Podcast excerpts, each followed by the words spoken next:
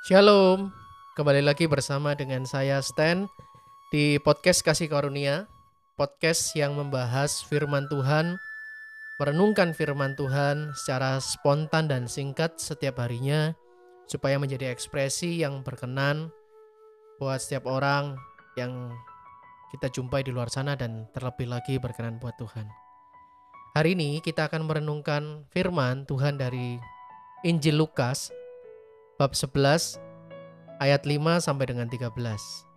Injil Lukas bab 11 ayat 5 sampai 13. Mintalah, maka kalian akan diberi.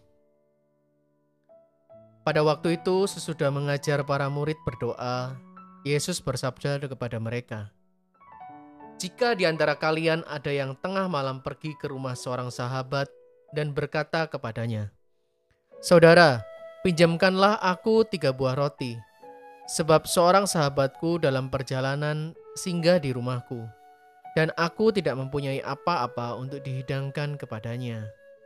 Masakan ia yang di dalam rumah itu akan menjawab, Jangan mengganggu aku, pintu sudah tertutup, dan aku serta anak-anakku sudah tidur. Aku tidak dapat bangun dan memberikannya kepadamu. Aku berkata kepadamu, Sekalipun ia tidak mau bangun dan tidak mau memberikan sesuatu meskipun ia itu sahabatnya, namun karena sikap sahabatnya yang tidak malu-malu itu, pasti ia akan bangun dan memberikan apa yang dia perlukan.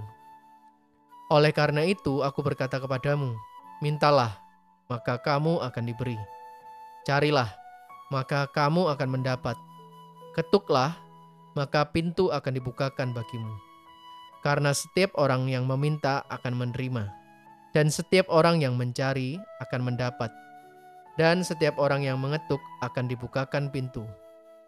Bapa manakah di antara kalian yang memberi anaknya sebuah batu kalau anak itu minta roti? Atau seekor ular kalau anaknya minta ikan? Atau kala jengking kalau yang diminta telur?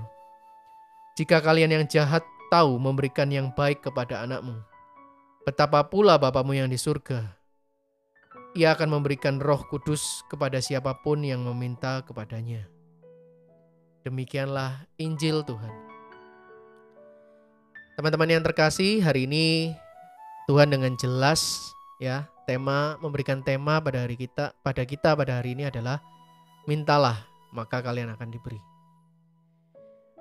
Pernah nggak teman-teman kita tuh minta sesuatu kepada seseorang tapi ternyata kadang diberi, kadang enggak.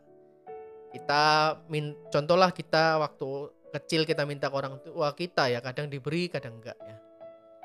Ada saya akan buka renungan uh, pagi hari ini dengan sebuah cerita singkat ya.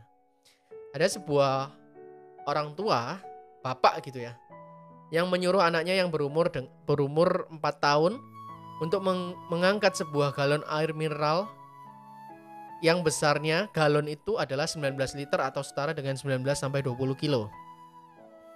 Kira-kira mampu nggak sih si anak yang berumur 3 tahun ini untuk mengangkat uh, air mineral galon itu? Jawabannya adalah tidak mampu teman-teman ya. Nah pertanyaannya yang salah siapa? Yang salah anaknya atau yang salah si bapaknya? Ya jelas teman-teman yang salah adalah bapaknya karena salah memberi perintah. Nah hari ini kita kan belajar bahwa kita memiliki Bapa yang sungguh-sungguh dahsyat. Kata kunci bacaan atau renungan uh, Injil pada hari ini itu adalah di kata-kata terakhir, teman-teman. Saya ulangi ya. Betapa pula Bapamu yang di surga, ia akan memberikan roh kudus kepada siapa pun yang meminta kepadanya. Jadi gini teman-teman, jawaban kenapa kok doa kita nggak pernah terkabul, uh, kenapa kok uh, permintaan kita tidak pernah dituruti Tuhan mungkin atau belum dituruti Tuhan atau ketika kita mencari kenapa kok kita belum menemukan entah itu pasangan, pekerjaan, studi atau apa pun itu.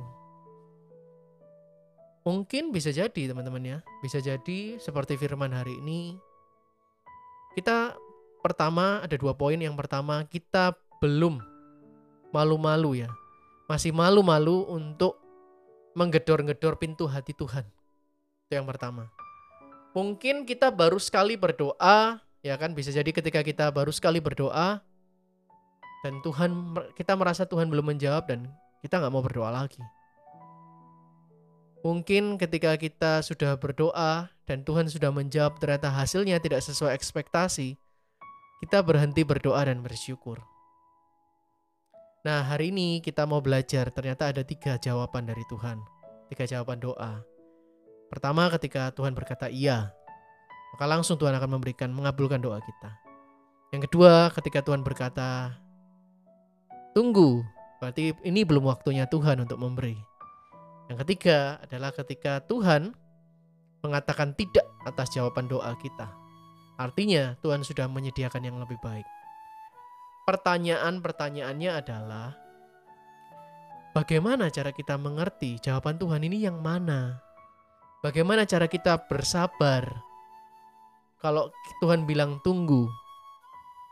Selain kita harus tidak malu-malu teman-temannya, kita harus berdoa tidak jemu-jemu berdoa tanpa henti ya itu yang pertama karena memang doa tanpa doa ya kita tidak bisa menarik uh, kuasa dan hadirat Tuhan di dalam kehidupan kita dan kita ya nggak bisa jadi apa-apa nggak bisa dapat apa-apa ya itu yang sudah kita sadari itu yang pertama ya memang kita harus tidak jemu-jemu ya berdoa terus menerus yang kedua teman-teman ya kita harus meminta hikmat dalam bentuk kehadiran pribadi Allah Roh Kudus.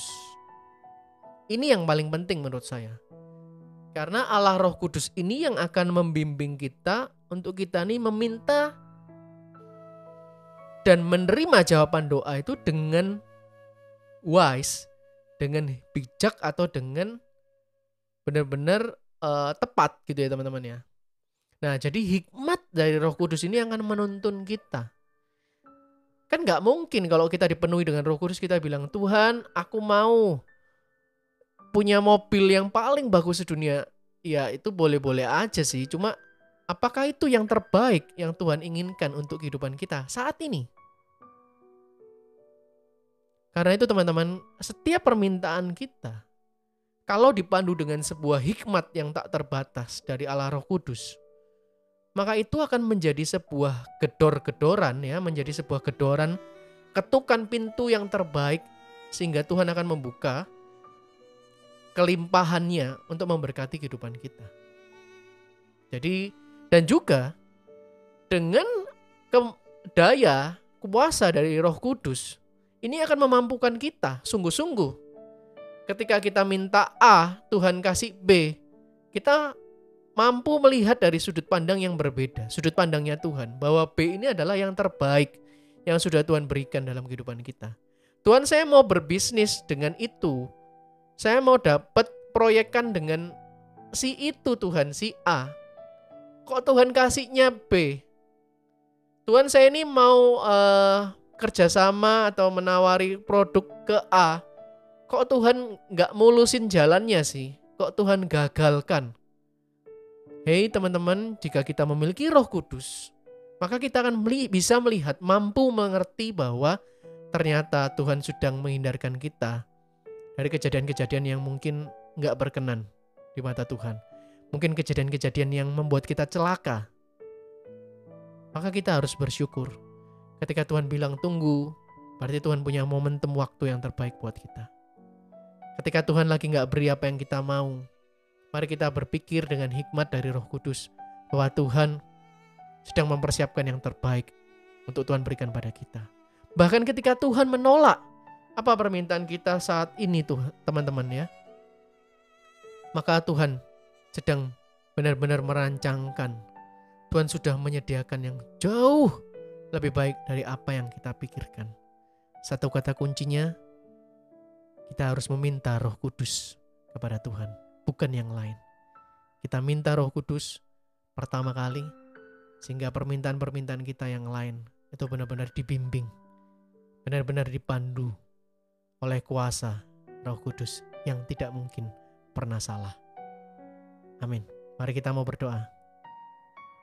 Bapa di dalam surga saat ini kami berdoa supaya roh kudusmu turun Tuhan atas kami.